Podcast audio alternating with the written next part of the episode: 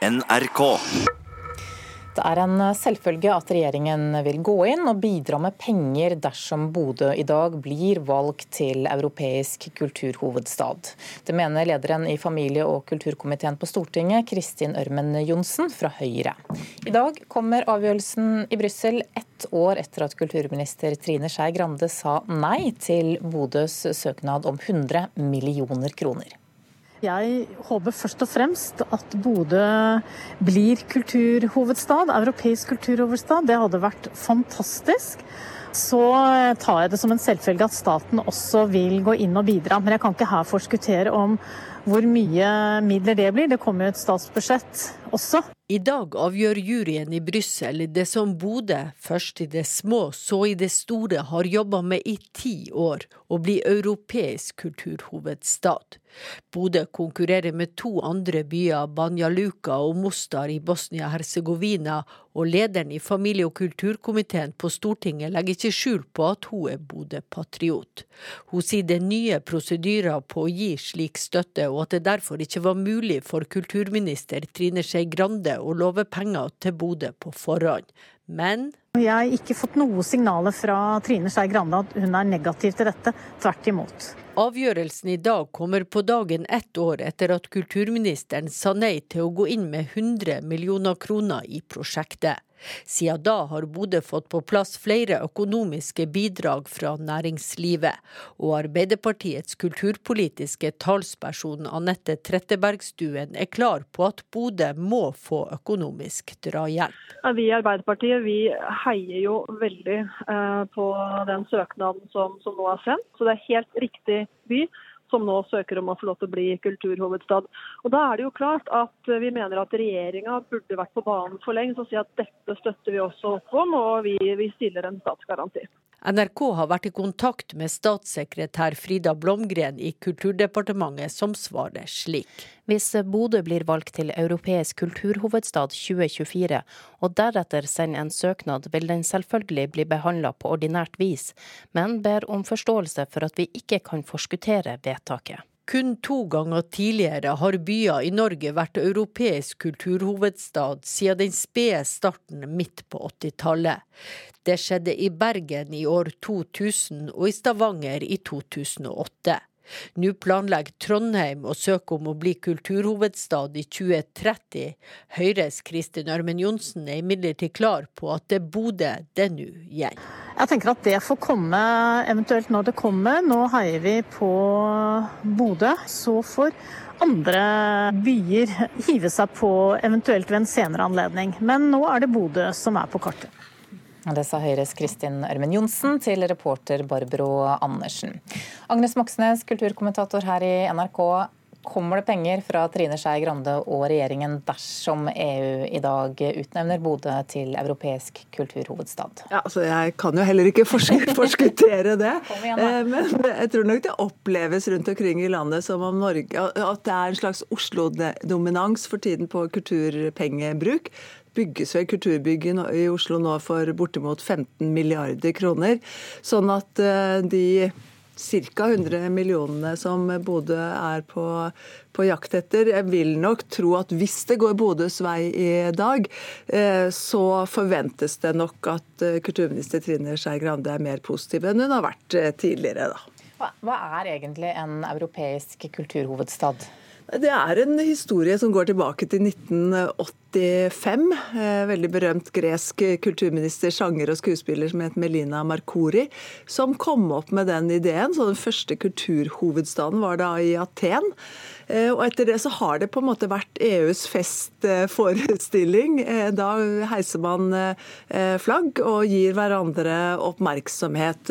Både egenart, men også det å knytte forbindelser land imellom. Og sånn som det er nå, så er det velges det europeisk kulturhovedstad ut fra land som er en del av EU, mens da Norge tilhører da den kategorien som er enten søkerland eller EFTA-land.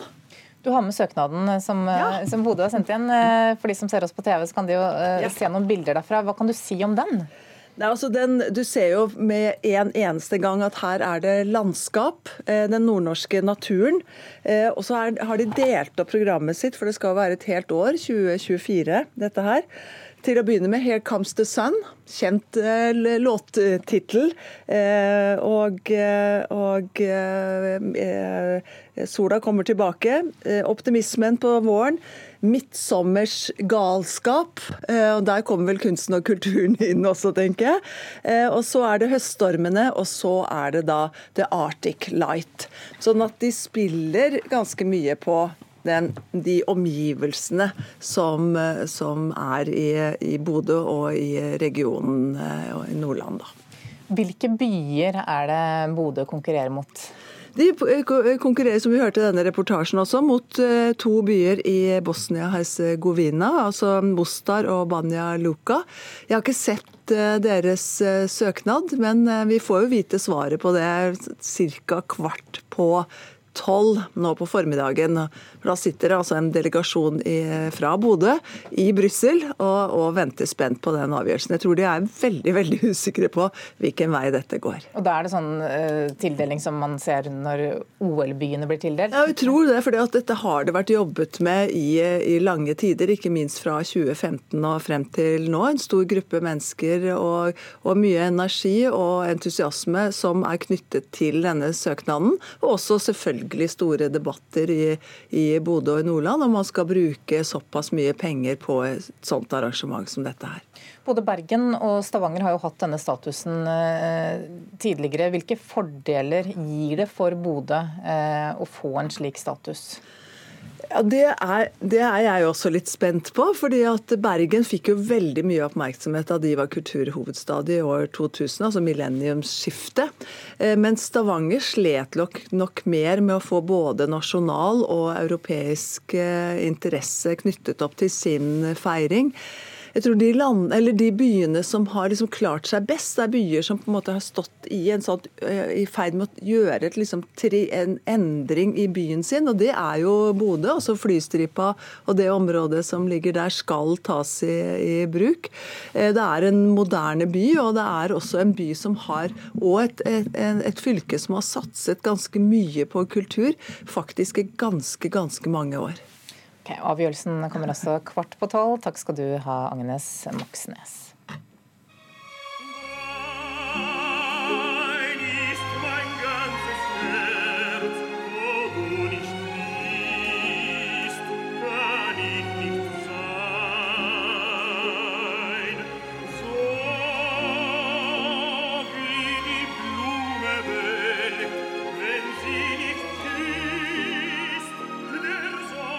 Operaelskere kjenner igjen denne eh, stemmen her. Det er Placido Domingo. Han trekker seg nå fra premieren av forestillingen Macbeth en dag før premieren bare. Og kulturreporter Munevi Gildis, hva er årsaken? Eh, Domingo er eh, anklaget for å ha utnyttet og trakassert eh, kvinner over tid. Det var nyhetsbyrået Ap som i august publiserte en sak der åtte sangere og en danser har fortalt at de har blitt seksuelt trakassert av Domingo i situasjoner hvor han hadde ledende stillinger eller roller ved ulike operaer. Og trakasseringen skal ha foregått i over flere tiår, og det er, har vært kjent i operamiljøet i årevis, ifølge flere av kvinnene som snakker til eh, nyhetsbyrået. Eh, og Det er også ikke den eh, første gangen planer med han blir avlyst. Det er både operaen i Philadelphia og San Francisco har tidligere avlyst planer med operasangeren. Men Hva svarer han til disse påstandene? I et skriftlig svar til nyhetsbyrået Ap sier Domingo at disse anklagene er usanne og urovekkende. Han sier også at kravene til forholdet mellom mennesker er annerledes i dag enn de var tidligere. Eh, nesten 200 milliarder dollar som ble brukt på kunstaksjoner mellom 2008 til starten av 2019 da gikk bare 2% til verk av kvinner. La oss ta litt om det også før vi runder av. Ja, Det stemmer. Det er Klassekampen som i dag siterer nettstedet Artnet på dette. og det er, For å sammenligne litt, så kan man si at verkene til Pablo Picasso de genererte til 4,8 milliarder i samme periode, altså 800 millioner mer enn 6000 kvinnelige kunstnere til sammen. Se det. Anne? På omveien hjem, det er tittelen på debutboken til Vilde Kamfjord. Hun har fått med seg den erfarne illustratøren Rune Markhus på laget. Dette er en bok beregnet på barn. Og Anne Katrine Straume, litteraturkritiker her i NRK, god morgen. Hei. Hva handler denne boken om?